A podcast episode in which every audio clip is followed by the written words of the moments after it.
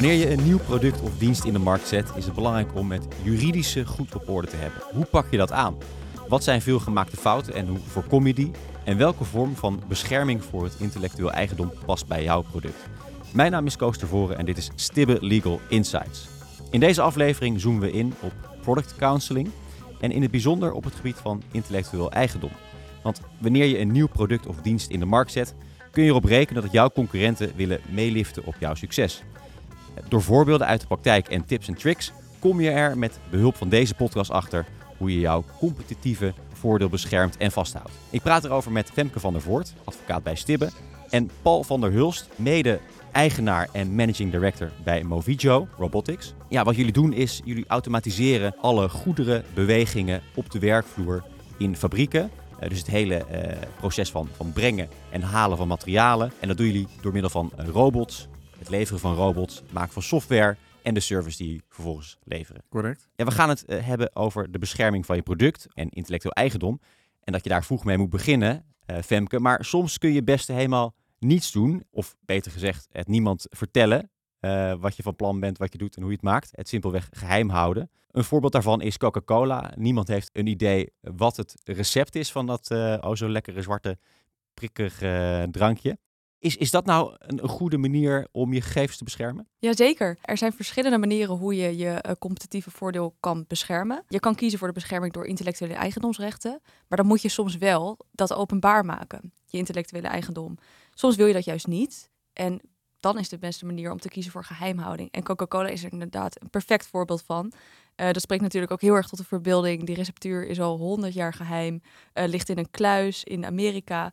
Maar een handjevol werknemers weet, kent het recept. Maar dat, dat receptuur van Coca-Cola, dat is ook echt iets wat zich er heel goed voor leent om dat weg te stoppen. En um, in Nederland hebben we sinds een paar jaar de wet bescherming bedrijfsgeheimen. Dat is iets wat ingegeven is vanuit Europa. En um, het is wel interessant, want een bedrijfsgeheim, dat, dat is er niet vanzelf en dat heb je. Daar moet je echt een paar maatregelen voor treffen. Dus het moet geheim zijn. Het moet informatie zijn die handelswaarde bevat. En je moet ook echt daadwerkelijk de maatregelen hebben getroffen om het geheim te houden. Bijvoorbeeld, je moet uh, iedereen die in de buurt komt van het geheim, moet je een geheimhoudingsovereenkomst laten tekenen. Je hebt een register waar je dat soort uh, geheimen bijhoudt. Dus dat moet, je, dat moet je een beetje institutionaliseren. Ja, de bedrijfsgeheimen die hebben ook echt een relevantie gewonnen de afgelopen jaren. Um, we kennen misschien uh, allemaal wel het voorbeeld van de chipfabrikant ASML. Uh, daar heeft uh, bedrijfsspionage plaatsgevonden. Nou, dat is natuurlijk heel kwalijk. En dat wil je natuurlijk voorkomen als je een ondernemer bent. Nee, nee dus, dus op zich goed om dat geheim te houden, inderdaad. Maar goed, als er ja, Chinese spionnen verschijnen in je bedrijf, ja, daar kan je niet alles tegen doen. Paul, jullie maken onder andere AGV's, dat zijn Automated Guided vehicles. Dus die uh, rondrijden in de fabriek en dat automatisch doen en allemaal dingen van A naar B kunnen brengen en halen. Correct. Uh, is, is dat net zoals het Coca-Cola recept, uh, gewoon een lijstje met, met, met, met boutjes en moertjes waar niemand achter mag komen? Heb je die ergens in een kluis verstopt? De bouwtekeningen zijn netjes opgeborgen, maar wij hebben dat niet geïnstitutionaliseerd, om jouw woord te gebruiken, Femke. dat hebben wij niet gedaan. voor mensen die we aannemen, die moeten allemaal die geheimhoudersverklaring tekenen. Er staan ook artikelen in hun, in hun arbeidscontracten uiteraard. Maar die, wij maken voornamelijk, denk ik, uh, veel software waar je ja, zenuwachtiger over bent, zou ik maar zeggen, als je iets wil vastleggen. En daar hebben wij, dat leg je niet zo makkelijk in een kluis, ook omdat je bouwt het in een team. Meerdere mensen gebruiken dat en het is niet zo dat uh, iedereen lekker aan het programmeren is. En op het laatste moment komen die twee, drie mensen die toegang hebben tot dat stukje geheim van ons, die dat dan er nog even bij stoppen en dan is het product af. Dat, dat, dat is wat lastiger dan een receptuur. Dus net wat Femke zegt, een recept kan ik me voorstellen. Bij ons zie ik dat zo gauw nog niet. Dus, ja, en we hebben inderdaad geen geheim register. Dat is bij ons allemaal niet van toepassing. Nee. Ik teken zelf heel veel uh, geheimhoudingsverklaringen en ik laat heel veel geheimhoudingsverklaringen uh, tekenen. Omdat, omdat jij jouw product in die fabrieken zet. Mensen, ja, mensen, maar mensen schroeven de dingen ook wel eens open. Je wilt toch daar iets, uh, maar ook als ze komen kijken bij ons, of als wij bij, wij bij klanten komen en je praat over bedrijfsprocessen, dan komen dat soort documenten heel snel om de hoek als je praat over geheimhouding. Ja, de andere strategie, Femke, is uh, juist het claimen van intellectueel eigendom. Ja, bij Coca-Cola gaat het misschien iets meer om een bedrijfsgeheim. Maar intellectueel eigendom, wat valt daar nou precies allemaal onder en, en waar moet je op letten? Goed is om een onderscheid te maken tussen niet geregistreerde IE-rechten en geregistreerde IE-rechten. Sommige rechten krijg je namelijk vanzelf. Bijvoorbeeld een auteursrecht of een handelsnaamrecht, als er aan de verschillende voorwaarden is voldaan. Maar voor andere rechten moet je echt naar een loket eigenlijk. Een voorbeeld daarvan uh, is het uh, octrooirecht. Um, maar daar kan je niet alles mee laten beschermen. Je moet voor het, om een octrooiaanvraag te doen, moet, je, moet er sprake zijn van een uitvinding, uh, van, um, van inventiviteit. En het moet gaan om een technisch proces of product. Dus wat altijd patent noemen, toch? Ja, ja, in de volksmond is het beter bekend als patent. Maar er zit op zich geen verschil tussen octrooirecht en patent belangrijk is daarbij dat je nog niet, voordat je die aanvraag hebt gedaan, dat je dat, die kennis naar buiten hebt gebracht. Want als het eenmaal bekend is, dan kan je er geen octrooi meer voor aanvragen. Om, om even een voorbeeld te geven, uh, stel je brengt een uh, nieuwe stofzuiger op de markt. Die, die, techniek die is al bekend, die gebruikt iedereen. Uh, dan kan je dat niet laten beschermen door het octrooirecht. Maar wat je wel kan doen, als je een uniek design hebt, kan je, kan je kiezen voor bescherming onder modelrecht. Dus hoe, hoe het eruit ziet? Ja, precies. Hoe het eruit ziet, de vorm. En dat moet ook dat moet zichtbaar zijn en dat moet nieuw zijn. En daar moet je een eigen karakter voor hebben. Maar daarbij geldt dat als het gaat om de functionaliteit, dan kan het weer niet worden beschermd door het modelrecht. Dus je moet echt heel goed kijken van wat, wat is nou aan mijn product wat het nieuw maakt? Wat, wat, het, wat ik, waardoor ik een ja, unique selling point uh, zou je het kunnen noemen. Nou, daar hebben we al een paar rechten mee uh, benoemd. Het merkrechten kwam ook al voorbij. Coca-Cola, die heeft dus het bedrijfsgeheim, maar die zet ook heel hard in op hun merk. En dat uitzicht niet alleen in de naam Coca-Cola, maar ook in het logo. Maar zelfs in het flesje, de vorm. Die kent iedereen. Um, ook een leuk voorbeeld daarvan is het Toblerone, de chocoladereep. Oh ja. ja. die is zo, dat is zo onderscheidend. Als je dat ziet, dan weet je meteen dat het van Toblerone is. Ja, dus je kan niet zomaar zo'n uh, zo'n gerateld uh, chocolaatje op de markt brengen. Nee, nee. Nou, je kan het wel doen, maar dan kan je wel verwachten dat ze achter je aankomen. Ja, dan sta ik wel in de rechtszaal. Paul, Jij als maker weet maar al te goed uh, hoe belangrijk het is om het juridische goed op orde te hebben. Uh, maar eigenlijk is dat niet iets waar je per se zin in hebt natuurlijk. Want je wil ook gewoon stappen maken uh, en de markt op. Maar toch stap je dan naar je advocaat en die zegt dan laten we even de pauzeknop indrukken. Ja, hoe ga je daarmee om? Ik ben niet zo goed met pauzeknop, ben ik iets te ongeduldig voor. Maar Um, wat je vooral hebt, als je, je gaat eigenlijk meer nadenken over het vastleggen van dat soort rechten. Ik zeg ik altijd eigenlijk bij je tweede product. Want als je start, als je een start-up zou zijn en je bent je eerste product bezig, dan ben je heel snel geneigd dat inderdaad te vergeten. Uh, maar wat, ja, wat, wat vooral belangrijk is, is denk ik dat je het ook borgt voor je bedrijf. Dat als je dus begint, dat je het borgt en dat later het bedrijf door kan gaan met die, ja, met die rechten, zal ik mhm. maar zeggen. Dat je dat goed overdraagt. Um, maar je moet ook eerlijk zijn.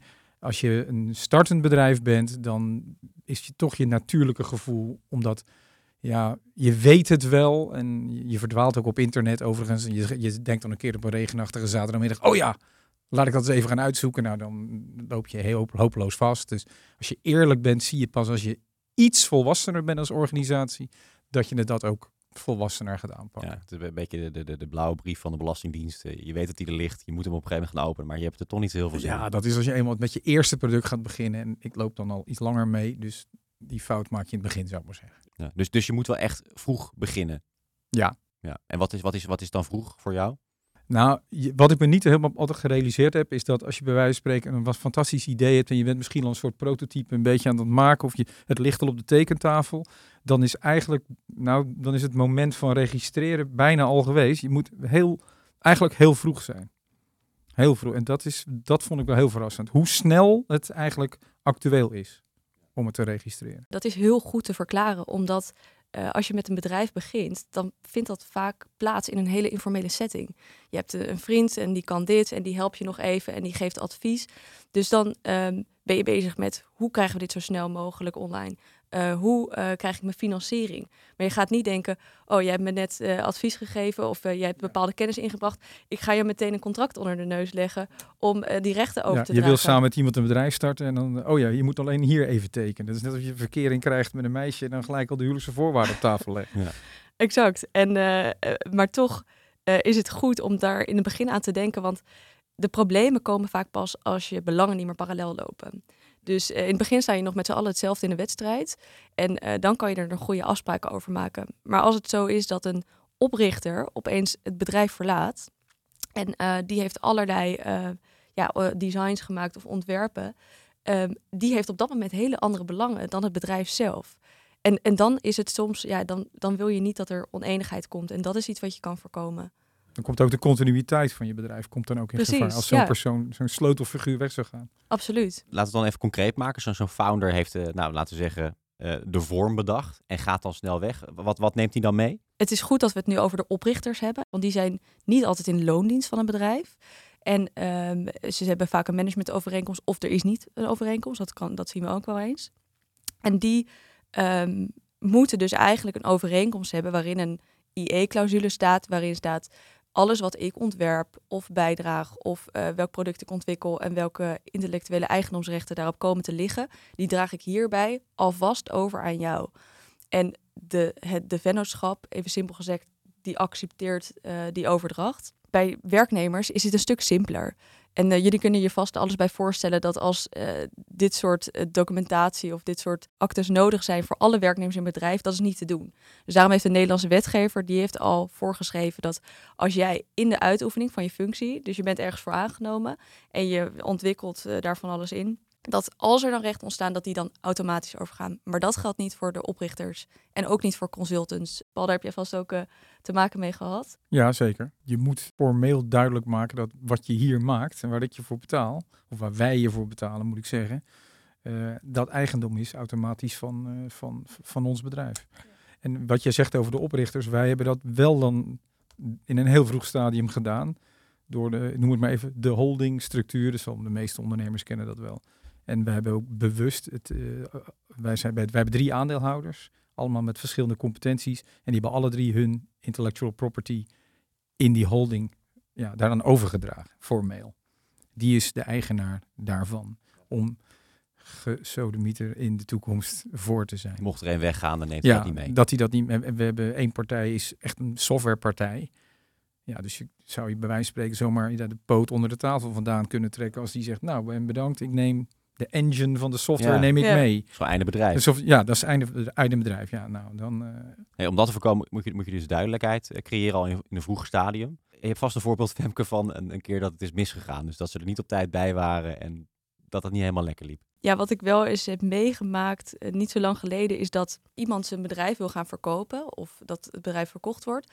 Dan gaat de koper natuurlijk kijken, is hier alles goed geregeld? En dat, dat gingen wij doen. We gingen kijken of, uh, of dat bedrijf in kwestie de zaak op orde had. We zagen dat zij ruzie hadden gekregen met een buitenlandse partij. En die, die had eigenlijk gewoon schaamteloos het merk en het logo gekopieerd. En begon daar in het buitenland diensten mee aan te bieden. Zij netjes een brief sturen. hey, dit mag niet, want je gebruikt ons merk. We willen dat je hiermee stopt en anders gaan we er iets aan doen. Maar wat bleek, zij hadden helemaal geen merkrecht. Ze hebben dat nooit geregistreerd. En dan wordt het echt een stuk lastiger om op te treden. Want um, als je in een register hebt staan, ik heb dat merk geregistreerd in 2015, ik heb het exclusieve recht. Jij moet hiermee stoppen. Dan kan je veel makkelijker handhaven. Maar als je dat niet hebt, dan heb je dus ook nooit het, het nooit het uh, alleenrecht gekregen om die naam bijvoorbeeld te gebruiken. Dus ja, dat is een voorbeeld. Maar ik heb ook wel eens meegemaakt dat partijen het zo, zo excited zijn over een product. Dat ze denken, nou, we gaan persberichten uitsturen. We willen hier zo vroeg mogelijk bij zijn.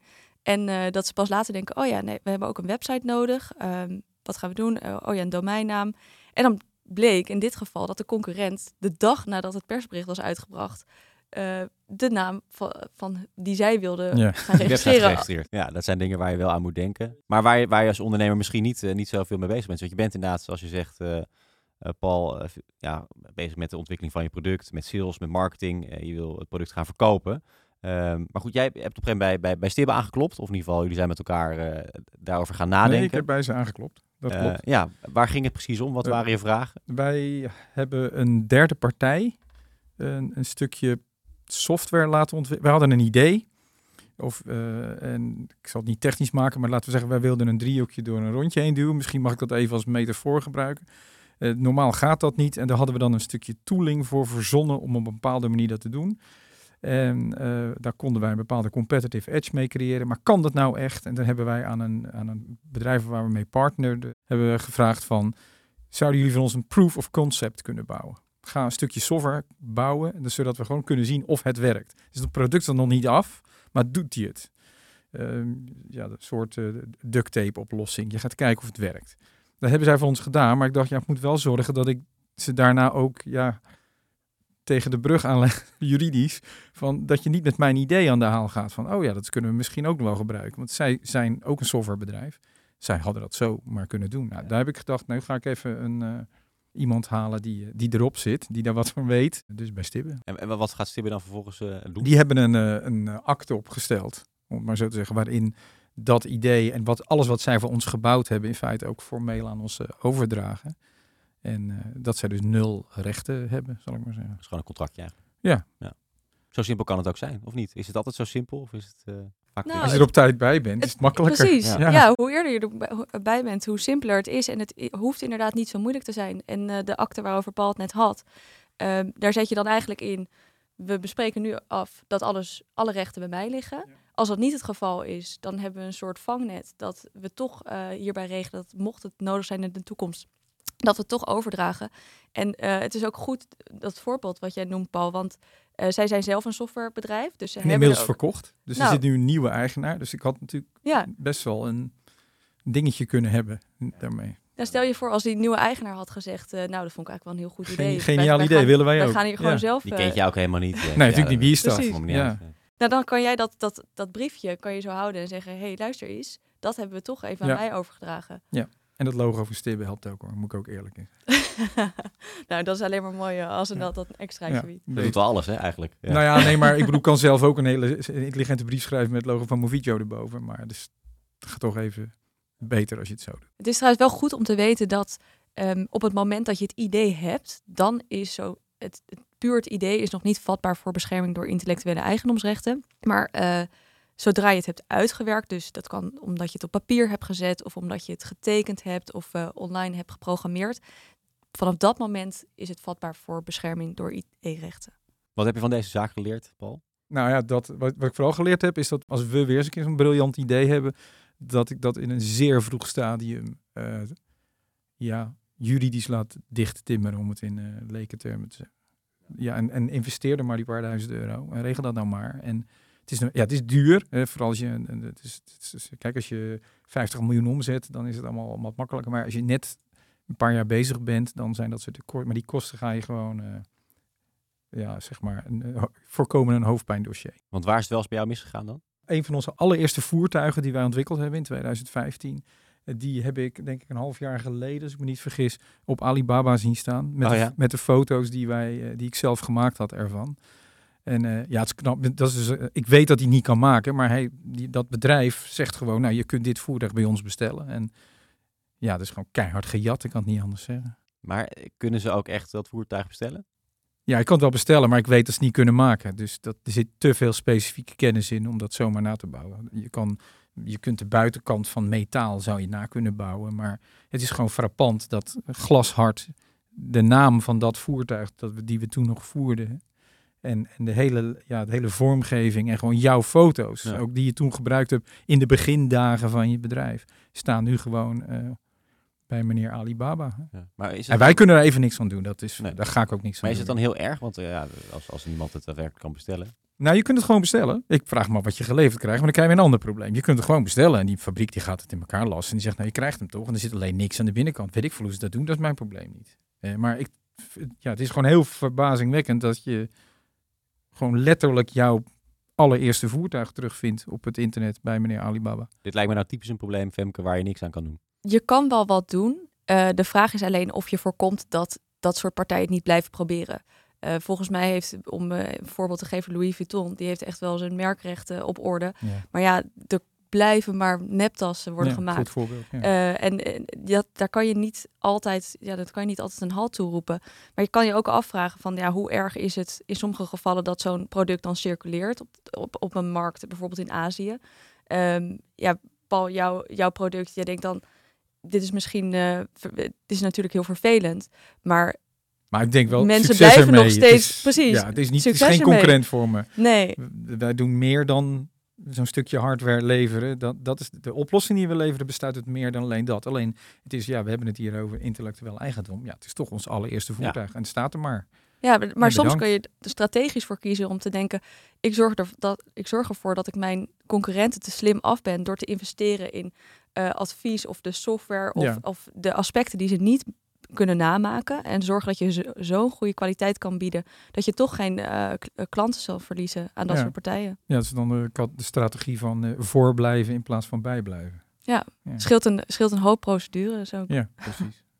En wat zij, wat zij nog wel kunnen doen om te voorkomen dat het op zo'n website komt te staan in China? Of je het echt kan voorkomen dat iemand een printscreen maakt en erop zet. Ja, ik weet ook niet zo goed wat voor partij er altijd achter zit. Een machinefabriek is het. die heb je vast een Chinese machinefabriek die zegt, eh, ik maak dit ding voor jou. Ja, je kan misschien wel een brief sturen, kan ik me voorstellen. Maar of dat wat uithaalt, ja, dat, dat, dat is nog wel altijd een raadsel. Ik heb er een mooie LinkedIn-post van gemaakt, dus ik heb het. nou, dan gebruik je toch nog op een andere manier. Je aandacht opgeleverd, ja. Ja. Ja. ja. ja. stel je voor dat, dat, uh, dat, dat het product gewoon gekocht wordt en ze zijn inderdaad op zoek naar een stukje service ja. en uh, ik veel update van de, gelukkig van de software, dan kan je het leveren. Ja, gelukkig, kijk, ons logo staat er niet op, hè. Dus als iemand, stelt dat in de onwaarschijnlijke geval iemand het inderdaad bestelt en hij krijgt zo'n stuk metaal geleverd, dan, en erachter komt dat het niet werkt, zou het helemaal erg zijn als dan ook ons logo en de naam er ook nog op gezet wordt. Dat, is helemaal, uh, dat heeft meneer Louis Vuitton denk ik natuurlijk last van. Dus daar zitten ze gewoon in dat het Louis Vuitton is. Zeker. Maar dat, dat er lastig in sommige gevallen tegen opval te treden is natuurlijk niet een reden om helemaal bij de pakken neer te gaan zitten. Um, want uh, als je toch zorgt dat je je um, merken registreert of je modellen uh, vastlegt. En er is een concurrent die in België handelt of in de EU Kijk, dan kan je het wel gewoon heel goed handhaven. En uh, er is een heel degelijk regime waarop je toch op, op, ja, je gelijk kan halen. En met een beetje mazzel krijg je ook nog de proceskosten vergoed. Ja, en Paul, jij kwam met het idee of met het probleem van, van het rondje en het, uh, en het driehoekje bij, bij Stibbe. Maar je wist dat dat specifiek een probleem zou kunnen worden. Uh, maar heb je, heb je als ondernemer ook zelf het overzicht van wat allemaal een probleem kan worden? Of is, of is dat toch een beetje onduidelijk? dan moet ik eerlijk zijn, dat had ik niet. Je, gaat, je, je kent de kreet patent. Nou, dan ga je een beetje zoeken. Dan kom je al snel bij het woord octrooi. En dan krijg je modelrecht. Oh shit, dat heb je ook nog. Weet je wel? Zo zit je dan als leek. En dan ga je dus googlen, want dat doen we allemaal. Nou, daar word je eigenlijk... Uh, daar word je, daar, wordt, daar word je niet vrolijk van, want je, wordt een, je, je, je verzuipt gewoon, laat ik maar zo zeggen. Je, je verzuipt in informatie en je weet en je, je, je verzuipt aan de ene kant in het aanbod van allerlei concurrenten van Stibbe of wat dan ook, zeg maar de aanbodkant. Wij kunnen u helpen, dus daar moet u zijn. En bij dingen die je zogenaamd allemaal zelf kon doen, dan heb je nog de, de, de, de, de octrooibureaus, de, de, de, Europese. Nou, ik, ik werd daar gewoon helemaal, uh, ik denk, wacht even, dit moet ik uit gaan besteden, want je wordt daar, ik word daar niet vrolijk van. Nee, je wil daar ook is mijn ding ook niet. Je tijd daar niet aan besteden nee, natuurlijk. Nee, je andere dingen ding. Ja, precies. Alleen, je moet het op tijd doen en je doet het allemaal de eerste keer te laat. Daar moet je gewoon eerlijk in zijn. Nou, dan heb je je neus gestoten. Maar dan moet je de volgende keer er eerder bij zijn. Dan even uh, concreet naar een, een stappenplan. Uh, want stel, ik heb een, uh, een techniek gevonden of een bepaalde vormgeving bedacht van een, van een product. Ehm, en ik wil dat beschermen. Um, nou, Paul gaf al aan, het is als je, als je gaat googlen, dan is het een, weerwar van informatie en het levert eigenlijk meer vragen op dan antwoorden. Uh, Femke, waar, waar begin je? Wat zijn de eerste stappen die je moet nemen om erachter te komen hoe je je product moet beschermen? Ik zou sowieso aanraden om even een keer met een jurist aan tafel te gaan zitten. Om even te sparren over wat het product inhoudt. Of misschien is het nog niet eens af wat, wat je van plan bent. Um, ik begrijp Paul's opmerking heel goed, omdat het is ook echt maatwerk. Je kan, je kan eigenlijk niet zeggen dat iets sowieso te beschermen valt of iets niet. Je moet echt kijken naar uh, de, de stand van de jurisprudentie. Bijvoorbeeld uh, de motorkap van Porsche, die is beschermd. Maar omdat de nieuwere versie daar te veel op leek, is die versie niet beschermd. Dus het kan zo erg afhangen van de omstandigheden, um, wat kan en wat niet kan, dat het toch goed is om even met iemand om de tafel te gaan zitten. Um, dan, dan kijken wij vaak mee welke aspecten wil je beschermen, welke aspecten kan je beschermen. Heb je daar ook budget voor? Het, uh, de octrooiaanvraagprocedure die is best wel complex kan lang duren. Heb je ook weer een octrooigemachtigde nodig. Um, wij helpen ook vaak ondernemers met het vinden van het juiste loket. Um, dus ja, kort en goed. Eigenlijk moet je een stappenplan op maat hebben. Ehm, waarmee je aan de slag kan. En eh, daarbij moet ik wel vermelden dat iets als een domeinnaam of eh, een merkregistratie, dat ligt al iets, iets, iets makkelijker. Ehm, maar zelfs als je een merk wil registreren, als je Movitjo zou willen registreren, dan laten wij altijd een merkonderzoek doen, waarin je in, stel je voor je wilt het in Europa laten beschermen, dat je naar alle merken kijkt in Europa. Oké, is er iets wat al lijkt op Movitjo? Denken we dat het voldoende onderscheidend vermogen heeft? Dus dat je je huiswerk van tevoren al klaar hebt. Want je kan de aanvraag wel indienen, maar dat kost ook geld. En als het dan wordt afgewezen, dan is het ook zonde. Paul, heb jij er nog wat aan toe te voegen? Nou, uh, veel dingen die Femke zegt, die, die uh, sluit ik me helemaal bij aan. Uh, ik denk dat als je een nieuw product gaat ontwikkelen, zorg dat je als ondernemer in ieder geval weet in wat voor soort regime, noem ik het eventjes, je valt. Dan moet ik het zoeken bij modelrecht? Is het vanzelfsprekend auteursrecht? Is het inderdaad een IP, iets wat ik kan doen? Het is wel moeilijk om zelf vast te stellen van is dit überhaupt dat idee wat wij hadden, wat we, ik, dat, dat, dat gekke voorbeeld van het driehoekje door het rondje heen duwen, maar dat idee, dan heb ik me ook wel eens afgevraagd, zou dat patenteerbaar, zou daar octrooirecht op, op vast te leggen zijn? Maar je moet in ieder geval weten, inderdaad, naar welke, op welke weg moet ik invoegen. Dat is wel belangrijk. Dat kun je, en dat kun je prima zelf uitvogelen. En, uh, en ik zou in een heel vroeg stadium uh, investeren een paar uur. Dat zou ik echt doen. Niet, je, want tot nu toe, als ik heel eerlijk ben, ik was altijd nou of net op tijd of toch iets te laat. Nou, als je dat nu weet, zorg dat je de volgende keer ruim op tijd bent. Ja, dus, dus uh, om het even samen te vatten, um, maak ook intern goede afspraken met je compagnons of de, de, de, de andere founders. Uh, want als je dat achteraf doet, dan ben je vaak te laat als een ervan doorgaat en een jaar wil gaan, gaan zeilen. Um, je moet ook op tijd beginnen met in kaart brengen van het uh, intellectueel eigendom. Uh, sommige dingen kun je alleen in het begin doen. Uh, bijvoorbeeld de octrooiaanvraag, voordat er publieke bekendheid is. ga ook goed na wat op jouw product of dienst van toepassing is. breng dat goed in kaart. Doe ook goed onderzoek naar concurrenten op de markt. dat kan in een later stadium veel tijd en geld schelen. Dank Femke en Paul. Dit was Stibbe Legal Insights. Wil je nog meer weten over product counseling? Je vindt alle informatie op de website van Stibbe. En vind je deze podcast nou interessant? Druk dan via Spotify op de volgknop of laat een recensie achter via Apple Podcasts. Tot de volgende Stibbe Legal Insights.